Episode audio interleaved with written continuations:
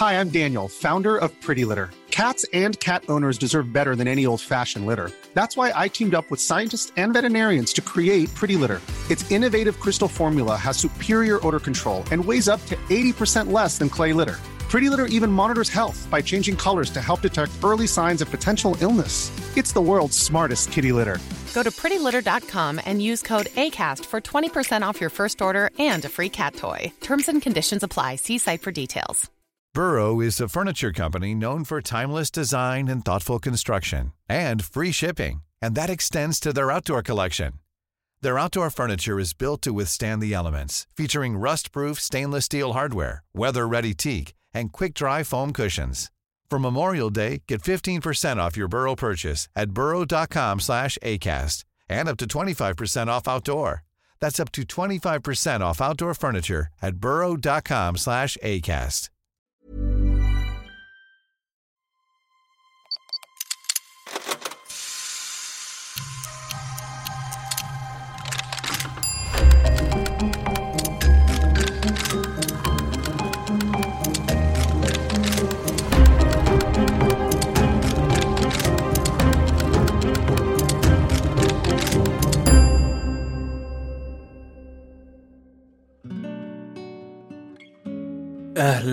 وسهلا بالمستمع الجميل.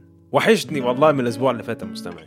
معلش لو اتأخرت عليك النهارده كنت قاعد تحت شجرة تفاح أخضر زراحه عندي في الجنينة بره أه بقرأ فلسفة آه، نيتشه عن الأخلاق ورأيه في الإنسان المعاصر بأخلاقه الزبالة وبصراحة كده غفلت يعني وأنا في الظل مع صوت العصافير وهمهمة النحل. بس لقيت الجرس بتاعي في البيت بيرن فجريت. عملت كوباية قهوة وجيت على طول والله معلش. إزيك يا مستمع؟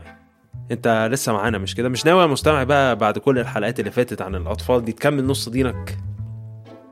ولو أنت ما شاء الله في الطريق أو خلاص يعني قلبك اختار الشخص أو الشخصة مش ناوي يعني تخلف؟ ما حسيتيش يعني إن بعد ثلاث حلقات عن الأولاد في الموسم ده يعني إن دي علامة ربانية من خلال المقدم إنك تفكري جديا في الخلفة؟ وأنت مش ناوي تفكر تجيب عيل لأهلك خصوصا دلوقتي وأنت عارف كويس المسؤولية اللي أمامك إنك تاكل كويس لصحتك وصحة أولادك. لكن يا مستمع الجميل الحقيقة هي إن بالرغم من إن الخدود هي جزء أساسي من إني أقنعك بالأولاد إلا إننا كلنا عارفين إن جزء مهم في وجود الأولاد في حياة أهلهم هو المسؤولية الملقاة لتربية الأولاد. كلنا برضو عارفين ودارسين كويس نتيجة سوء تربية الأولاد مع تعاملاتنا مع البشر الناس القلالات الذوق والعيال اللي بتتنمر وغيرهم كتير ومن أسوأ الصفات اللي ممكن ينتسب بيها الإنسان هي إيه؟ العنصرية حلقة النهاردة زي ما باين أو مش باين من العنوان هدفها إنها تحكي لك قصة مهمة في سيكولوجية البشر مستعد مستمعي؟ جاهز كده ومظبط حالك بعد المقدمة الطويلة الأوفر دي. يلا خد لك رشفة قهوة أو شاي أو اللي أنت بتشربه ويلا بينا.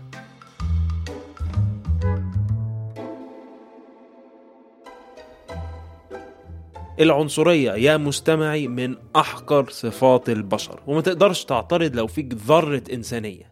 فكرة إن يتم معاملة ناس أفضل من ناس فقط لأنهم من فئة معينة غلط. وفيها من القهر ما يكفي 15 سكريبت من سكريبتاتي العميقة. العنصرية والتمييز معروفين ومش محتاج أقول لك هم إيه يا مستمعي. انت عارفها لأن مثلا بيتم إعطاء الرجالة مرتبات أكتر من الستات وأنت عارفها برضو لأن العيال في المدرسة ما كانتش بتختارك تلعب كرة معاها لأنك أسمر شوية عنهم. والعنصرية حقارة. مش متفق معايا يا مستمعي؟ ده غالبا لأنك عمرك ما تعرضت للعنصرية. عمرك ما شفت حاجة اتخذت منك لأن فيك صفة معينة ما تقدرش تغيرها. إحساس بالظلم غير طبيعي. والحقيقة إن في نظريات عديدة اقترحت لشرح ظاهرة العنصرية المتفشية في البشر دي. في نظرية مثلا بتقولك إن العنصرية نوع من أنواع الصراع للبقاء الفطري اللي موجود عندنا كبشر. بمعنى إيه؟ بمجرد إن مجموعة فيها أعضاء أكتر يقللوا من مجموعة أقل عددا فرص بقاء المجموعة الأولى بتزيد وبالتالي فرصهم في الإنجاب والاستمرار أكبر. فالعنصرية سلاح لضمان استمرار مجموعتك عن مجموعة تانية. بس انت يا مستمعي لو بتسمع الكلام ده ومشغل دماغك معايا ومش سرحان هتلاقيك قلت ما بينك وما بين نفسك كده طيب ما أولى الناس دي كلها يساعدوا بعض لتحسين فرصهم كلهم في البقاء؟ ودي وجهة نظر تقلب الترابيزة على النظرية الأولى اللي أنا قلتها دي. في نظرية أخرى تم طرحها في 1954 من عالم النفس جوردن ألبورت. وهي نظرية أنا هسميها نظرية التصنيف. النظرية دي بتقولك إننا كبشر بنسهل على عقولنا تحليل الدنيا من خلال عملية الكاتيجورايزيشن أو التصنيف. من سن صغير البيبيهات بتصنف الكبار لقريب أو غريب. بنصنف إحنا الأكل لحوادق وحلويات المشروبات لسائع وسخن وهكذا. عملية التصنيف دي بتسهل علينا بشكل لا إرادي التفكير والاختيار. وفقا لنظرية التصنيف بتاعت ألبورت العنصرية ما هي إلا عملية التصنيف دي متجسدة في طريقة تعاملنا كبشر. لأن معاك جنسية مختلفة عن مجتمع آخر بتتعامل معاه بشكل مختلف. لأن شعرك لون مختلف عن بقية الناس اللي أنت تعرفيهم بتتعاملي معاهم بشكل مختلف.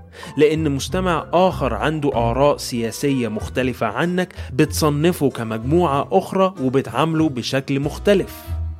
إحنا كبشر معروفين بنمسك في أقل حاجة ونستخدمها عشان نخلق فواصل ما بيننا في إيه؟ في شكل العنصرية. والعنصرية الحقيقة موضوع أكبر يا مستمعي من إني أفهمك كل أبعاده.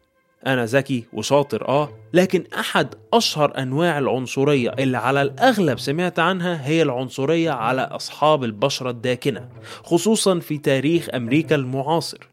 شوفوا يعني أهي هي دي البلد اللي المفروض قائمة على العدالة ومش عارف إيه وتاريخها ملطخ بقصص مرعبة عن العنصرية خصوصا ضد ال African Americans أو الأمريكان الأفريقيين اللي لون بشرتهم سودة. تخيل يا مستمع إن تاريخيا الموضوع كان بيوصل لإن لو كان في صف أمريكان لون بشرتهم سودة وجه واحد أبيض حقير ما يسواش كان المفروض يوسعوا له. لو ما عملوش كده الشرطة تتجاب والشرطة طبعا عبارة عن ناس بيضة برضه حاجة في منتهى الظلم والقهر. ولكن خلال القرن العشرين أمريكا شهدت ثورة حقيقية من الأقلية السوداء في محاولة لتحقيق العدالة المستحقة واللي وقف على رأسها مارتن لوثر كينج جونيور. برنس الراجل ده والله يا جماعة برنس يا مستمع. انت شايف يا مستمع؟ انت انت برنس. آه برضو. بس ده برنس البرانيس بقى. وممكن وأكيد يعني في حلقة في المستقبل هنحلل قصته. لكن يكفينا الآن إننا نقول إنه كان سبب محوري في إعطاء الحقوق للناس اللي بشرتهم داكنة في أمريكا. لكن طبعا مفيش قصة حلوة بتنتهي كده للأسف في تاريخك معايا يا مستمعي. وبالفعل تم اغتيال مارتن لوثر كينج جونيور في واحدة من أصعب النهايات لمناضل سياسي وإنساني لن ينساه التاريخ. في ظل وفاة مارتن لوثر كينج جونيور الجو في أمريكا كان مشحون زيادة. الناس كلها بتتكلم عنه وعن مواقفه الشريفة لمناصرة إخواته وناس تانية كانت بتتكلم عن اللي حصل له ده كان يستحقه.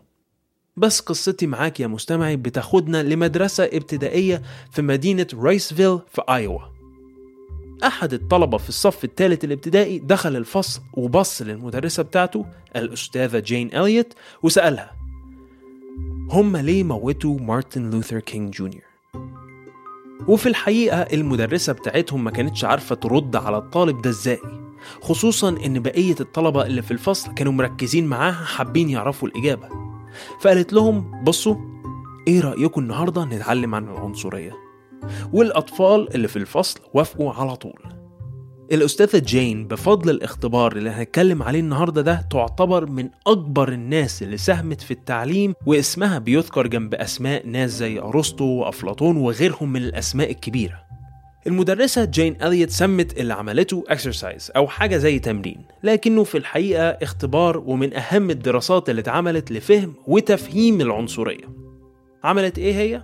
أقول لك يا مستمع الفصل بتاعها كان عبارة عن طلبة يا إما لون عينيهم أزرق أو لون عينيهم بني. فقسمت الفصل لمجموعتين مجموعة للطلبة اللي عينيهم بني ومجموعة للطلبة اللي عينيهم زرقاء. وعملت حاجة كده غويشة خضرة من ورق يتربط حوالين معصم الطلبة. بس وقالت للطلبة اللي لون عينيهم بني أنتوا أفضل من الطلبة اللي عينيها زرقاء. البسوا الغوايش الورق دي.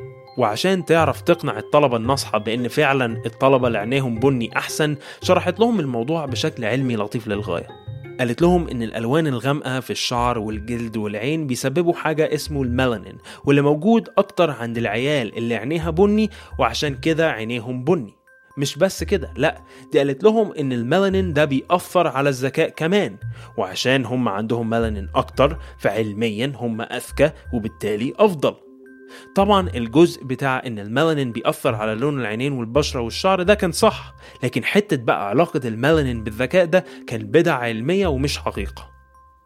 مش عايزك بقى يا مستمعاتي تروح لصاحبتك اللي عينيها ملونة وتقول لها شوفي المقدم قال امبارح في بودكاست علمي جدا أنا أذكى منك ومش عارف إيه. ماشي؟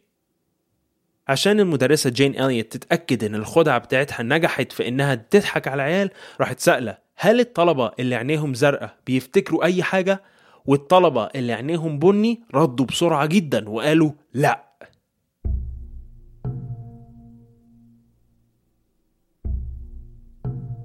دي حتى الأستاذة قالت غيرت من القوانين اللي كانت موجودة في الفصل. الطلبة اللي عينيها زرقاء كان بدأ يطلب منهم يشربوا في كوبايات مختلفة عن الطلبة اللي عينيهم بني. ولما حد من الطلبة اللي عينيها زرقاء سألوا ليه واحد من الطلبة اللي عينيهم بني رد قبل المدرسة وقال لأن ممكن يجيلنا حاجة منكم. الطلبة بصت على أليت وهي هزت راسها بالموافقة. لما الطلبة كان عندهم رياضيات وواحد من الطلبة اللي عينيه زرقاء غلط واحد من الطلبة اللي عينيها بني بص لأليت وقال لها طبيعي يعني يا مسز أليت ده واحد من الزرق شوف شوف يا مستمعي. الأستاذة أليت ما عملتش حاجة غير إنها فصلت المجموعتين بشوية كلام فارغ غير حقيقي والطلبة بدأوا يقلبوا على بعض. الطلبة اللي عينيها بني بدأوا يتنمروا على العيال اللي عينيهم زرقاء. وتخيل كانوا بيندهوا عليهم مش بأسمائهم بس بلون عينيهم. الموضوع يا مستمعي تطور بشكل غريب يوميها. إحنا لحد اللحظة دي بنتكلم من الصبح لحد الظهر لكن خلال الفترة دي الطلبة اللي عينيها بني اللي كانت في العادي بتبقى هادية أو غير مستجيبة في الفصل بدأوا يكونوا واثقين في نفسهم ومتحمسين جدا جدا. الطلبة اللي عينيها بني اللي كانوا معدومي الثقة قبل الاختبار يوميها كانوا عيال مختلفة في قمة الثقة بالنفس. والعكس صحيح للطلبة اللي عينيها زرقاء يا مستمعي. الطلبة اللي عينيها زرقاء اللي ما كانوش عندهم مشاكل أصلا بدأت تظهر عليهم أعراض حزن وعدم كفاءة غريبة. يعني مثلا طالبة عينيها زرقاء كانت شاطرة جدا في الرياضيات قبل الاختبار يوميها ما كانتش عارفة تجاوب على الأسئلة. في الفسحة ثلاث طلبة عينيهم بني اتلموا عليها وطلبوا منها إنها تعتذر لهم. فسألتهم ليه؟ ردوا عليها وقالوا لها لأنك واقفة في طريقنا وإحنا أحسن منك.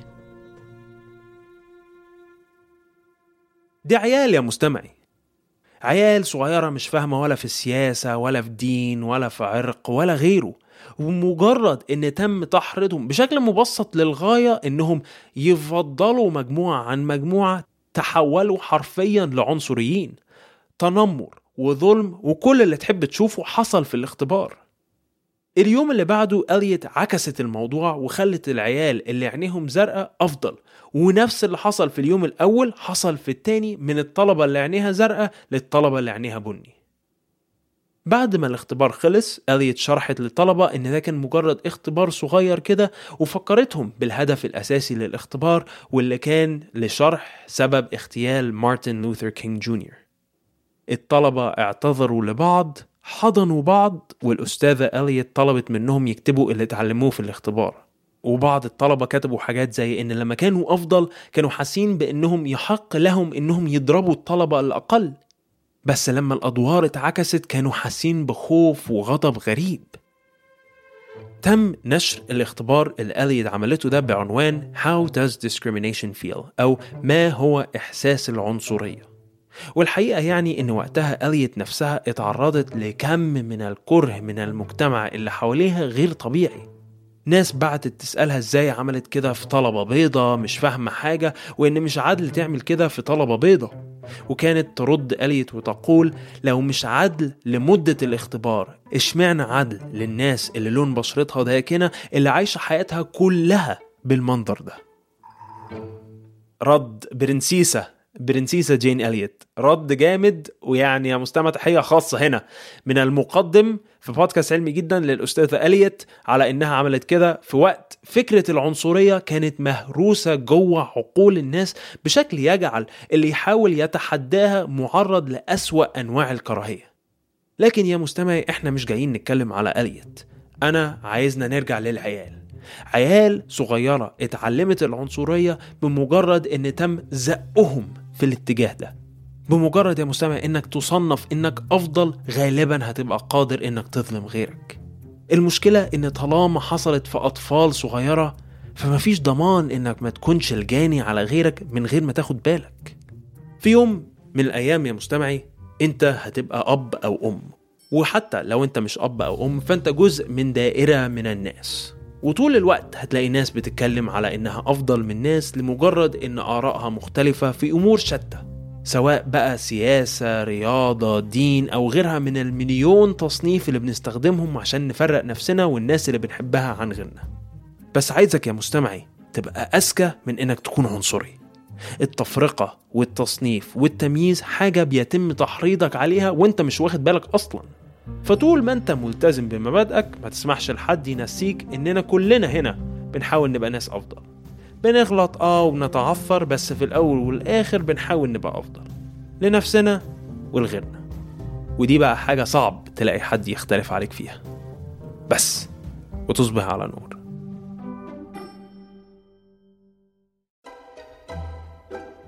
لم يتم ظلم أي حد في الحلقة دي لأنها من إعداد وتقديم المقدم الغير عنصري إلا في حب العلم. بحث وتدقيق الحقائق اللي ساعدت في ضمان حقوق الجميع الأستاذة دينا صبري تصميم صوتي محايد محمد خيريزات وبول ألوف تصميم جرافيكي أحمد منصور إشراف تحريري على إن الحلقة دي ما عنصرتش على حد هبة عفيفي. بودكاست علمي جدا من إنتاج شبكة كيرنينج كالتشرز العدل صفة جميلة يا مستمع والله. تبقى مستمع كده عادل وجميل. ووعد لو ما ظلمتش حد هشوفك الأسبوع اللي جاي إلا يعني لو ما صحتش من تحت شجرة التفاح اللي في الجنينة يعني وأنا في القيلولة بتاعتي. قولوا للناس على بودكاست علمي جدا وساهموا في مشاركة هذا العمل ال- العادل ال- التعليمي الجميل مع أصدقائكم وكده يعني. بس.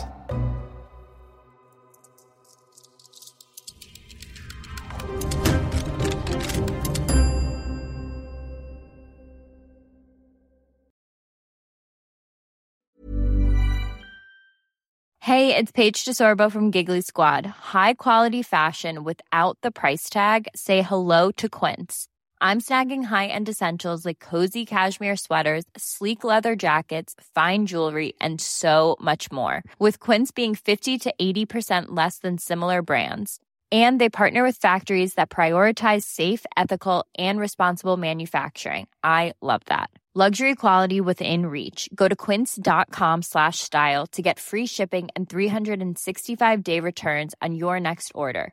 Quince.com slash style.